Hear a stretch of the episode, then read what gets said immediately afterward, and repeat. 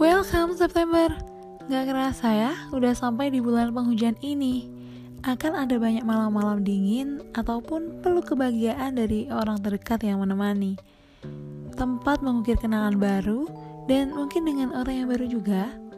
Kalau bulan Juli kemarin mengajarkan kita tentang keikhlasan Dan Agustus mengajarkan arti tentang kesabaran Semoga September mengajarkan kita untuk selalu bersyukur atas apa yang sedang kita jalani.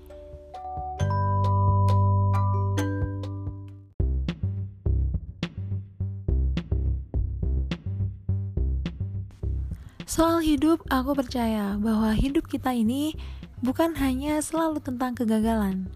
Jangan sekalipun melihat kesuksesan itu dengan hanya pada satu cara.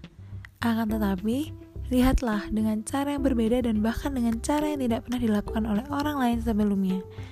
September datang untuk menjadi bukti bahwa Tuhan masih memberikan kesempatan untuk kita agar selalu berubah ke arah yang lebih baik. Karena itu, semoga bulan September menjadi bulan yang membuat kita lebih baik dari bulan sebelumnya.